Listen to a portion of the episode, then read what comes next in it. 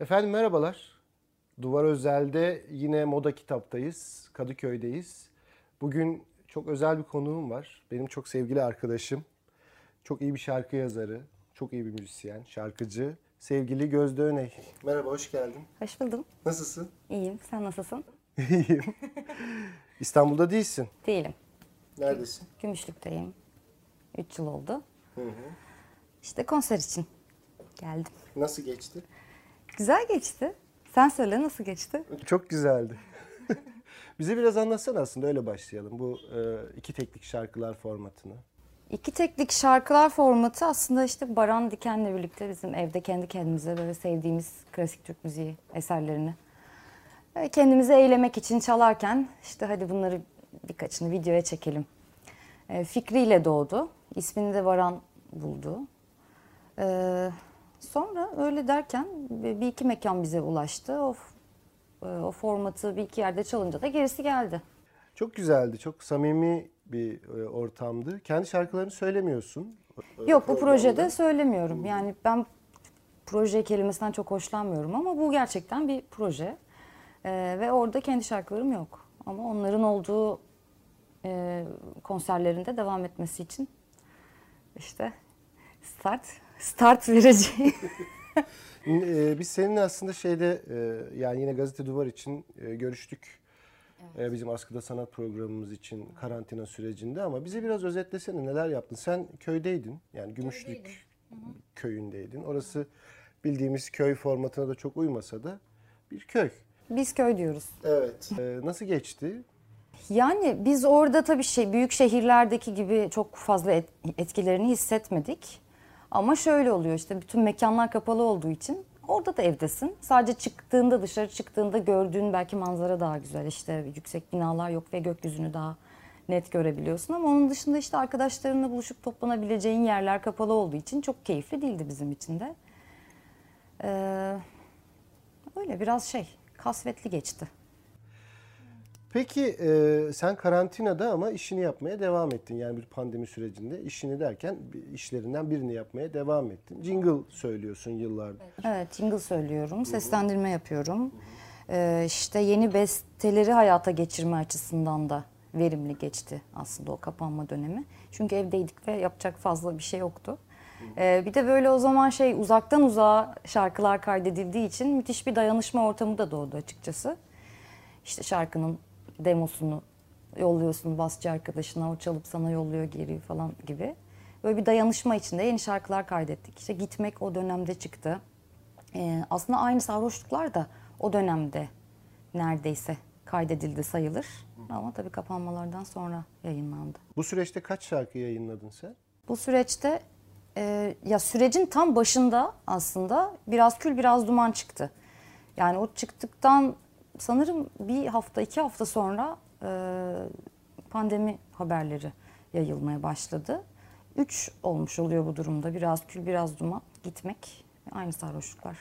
Peki böyle mi devam edecek? Single'lar çıkacak. Single'lar çıkacak. Albüm yapmayı düşünmüyorum açıkçası şu an. Yani çok istiyorum ama her istediğimiz olmuyor hayatta. Ee, Biraz yani aslında şunun için soruyorum. Bizi dinleyen ve müzikle ilgilenen, müzik yapmak isteyen, belki şarkılar yazan, e, hayatına böyle devam etmek isteyen arkadaşlar olabilir. Biraz da onlar için soruyorum. Sen bağımsız bir müzisyensin. bağımsızım. Ne demek bağımsız müzisyen? Herhangi bir plak şirketiyle çalışmıyorum. Ee, kayıtlarımdan e, olmayan kliplerime kadar her şeyi kendim finanse ediyorum. Ee, ve dolayısıyla üretimlerimin bütün geri dönüşleri de bana oluyor. Bağımsız müzisyenin aslında kısaca tanımı bu. Ee, yani neden albüm yapmıyorum? Çünkü hem bir dinleyici olarak kendim düşündüğümde oturup albüm dinlemiyorum açıkçası itiraf etmek gerekirse. Yani daha doğrusu şöyle bir albüm çıktığında bir kere dinliyorum ya da iki kere dinliyorum ve sonra e, o kadar fazla üretim oluyor ki her cuma bir sürü arkadaşımızın şarkısı çıkıyor. Tanıdığımız tanımadığımız bir sürü müzisyenin.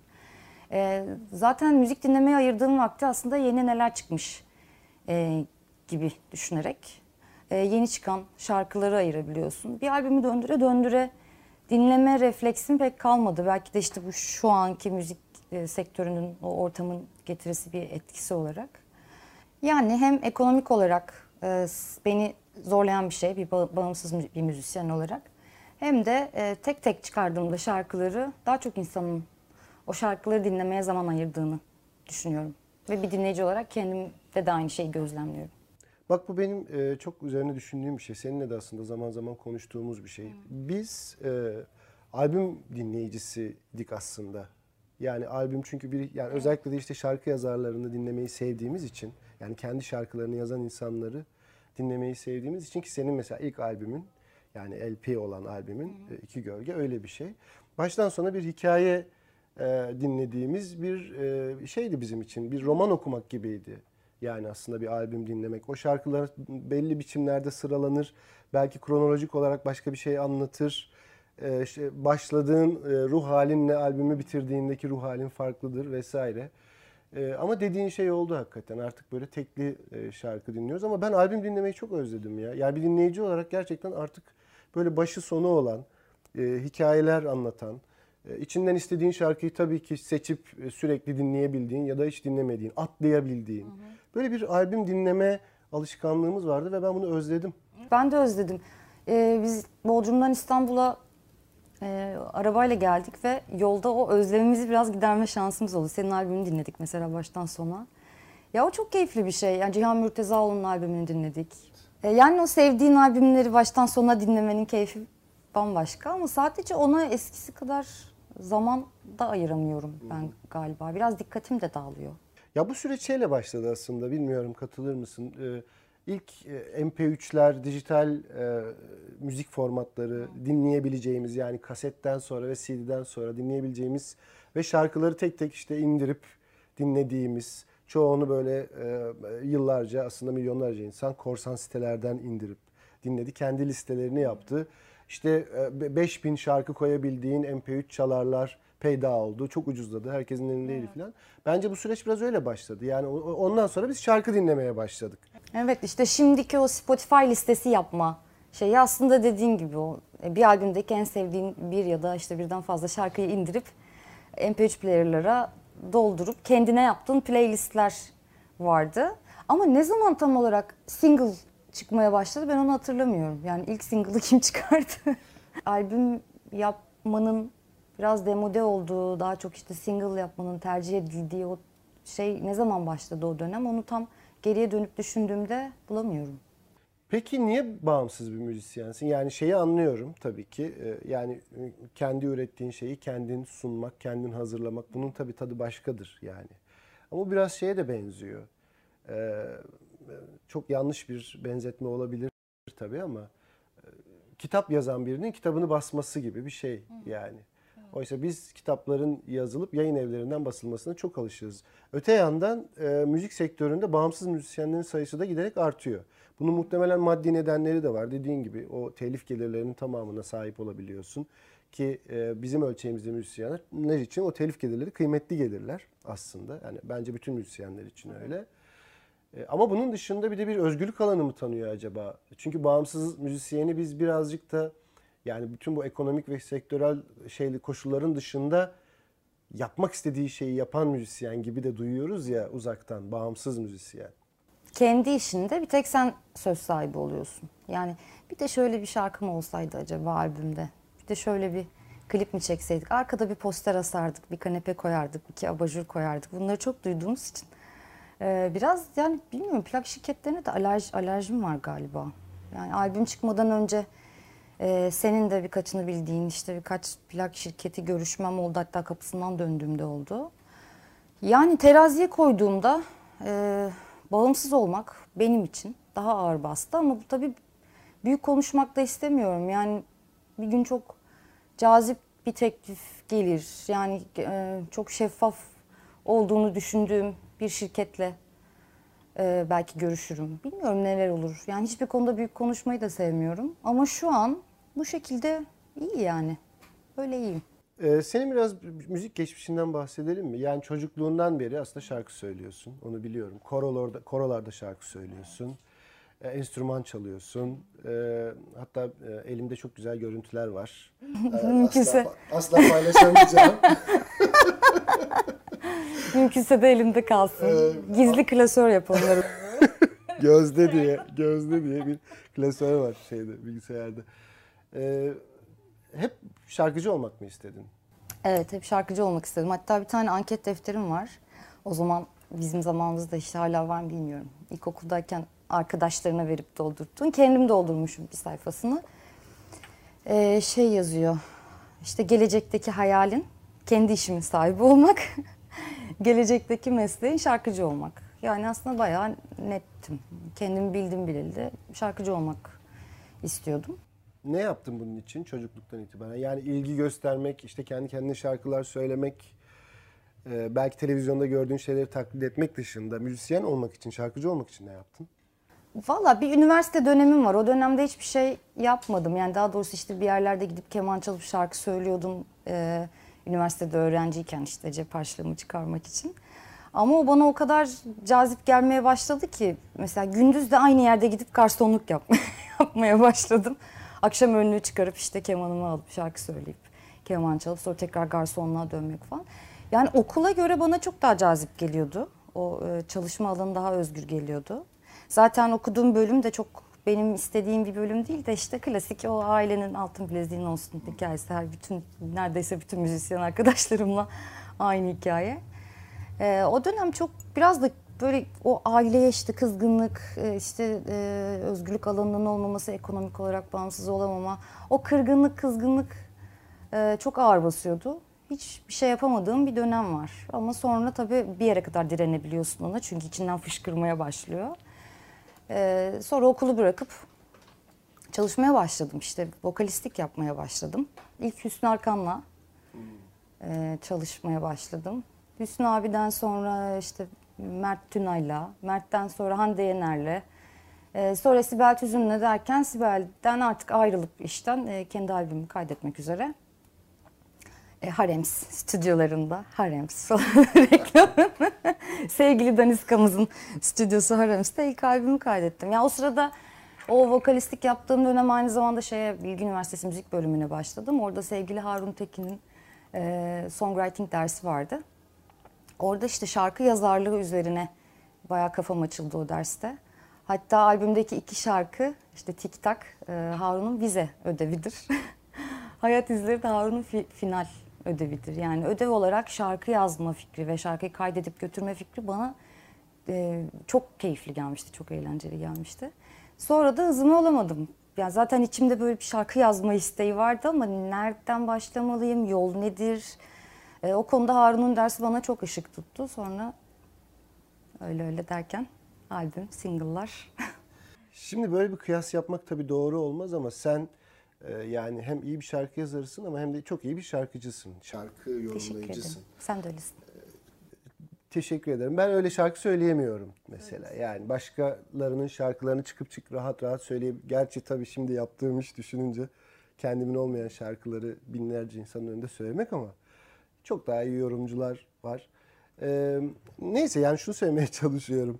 Bir e, hangisi daha heyecanlı senin için? Şarkı yazmak, onu kaydetmek, onu ilk kez duymak.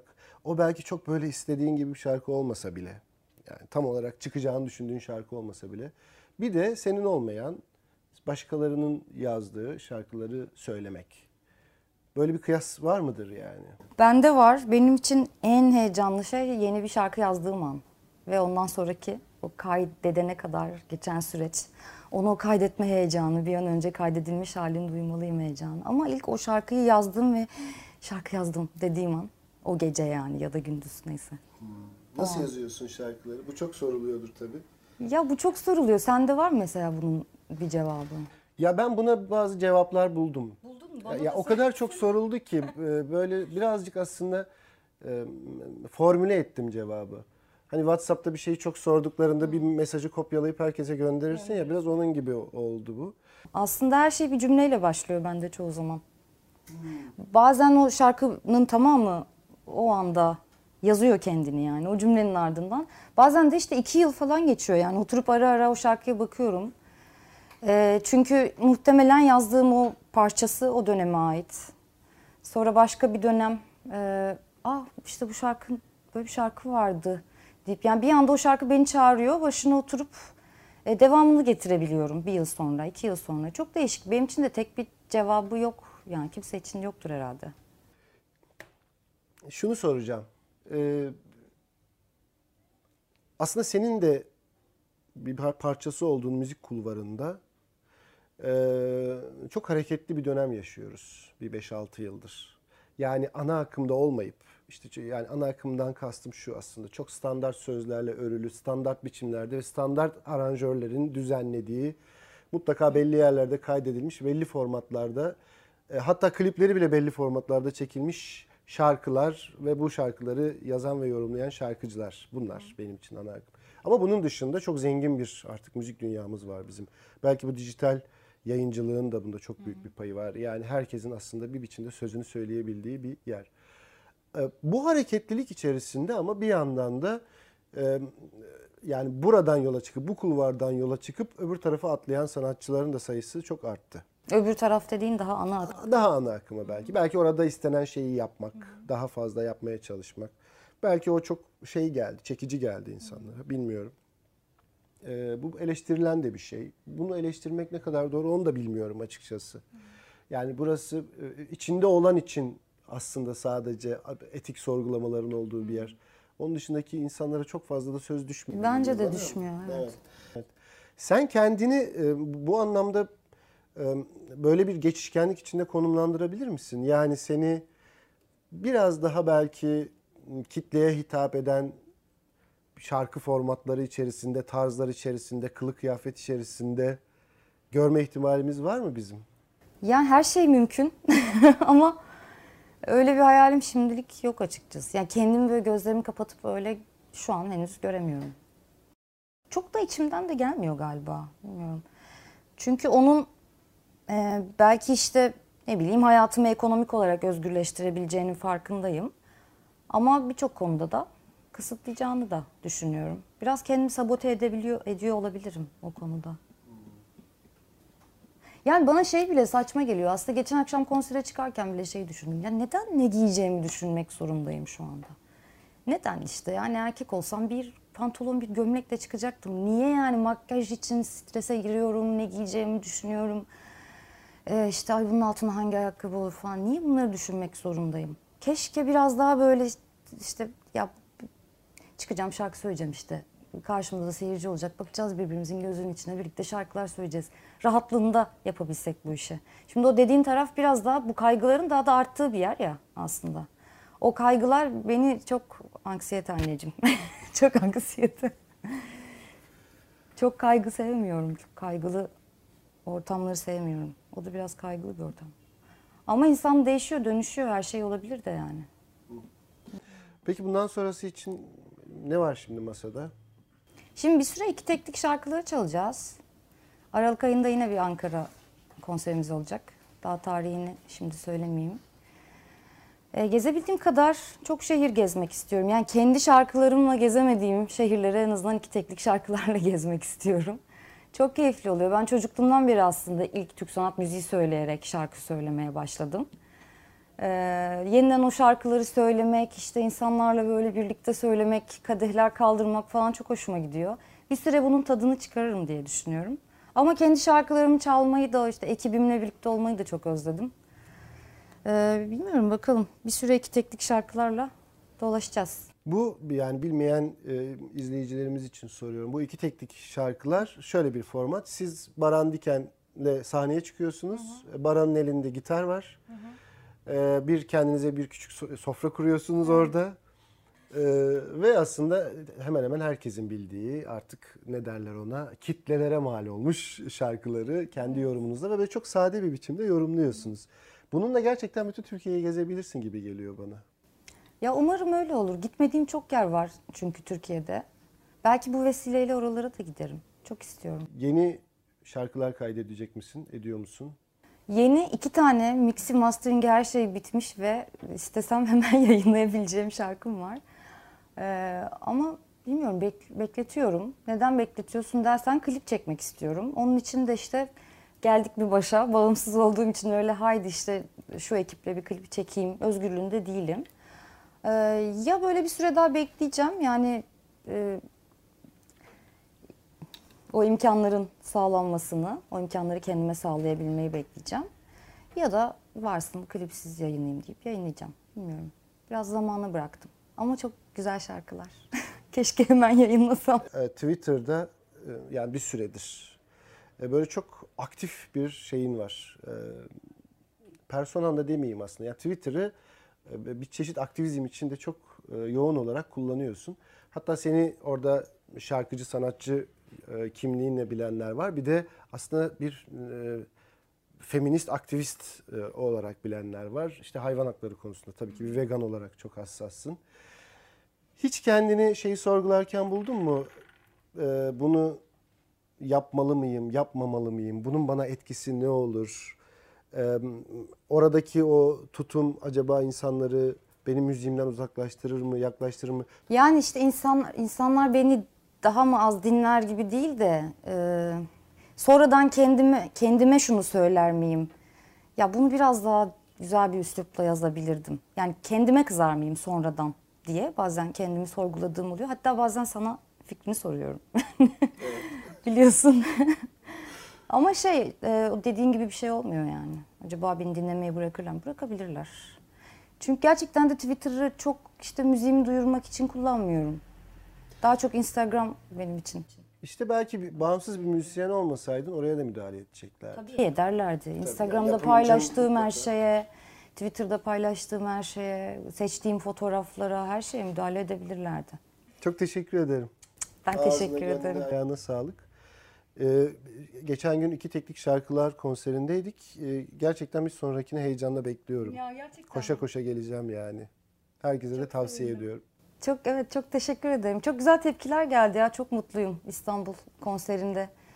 Ee, İstanbul konserinden sonra gelen tepkilerden çok mutluyum. Çok güzel bir geceydi gerçekten. Gelen herkese de bu vesileyle teşekkür etmiş olayım. Ayaklarına sağlık. Yine gel. Geleceğim. Baran'a da selam söyle. Söyle.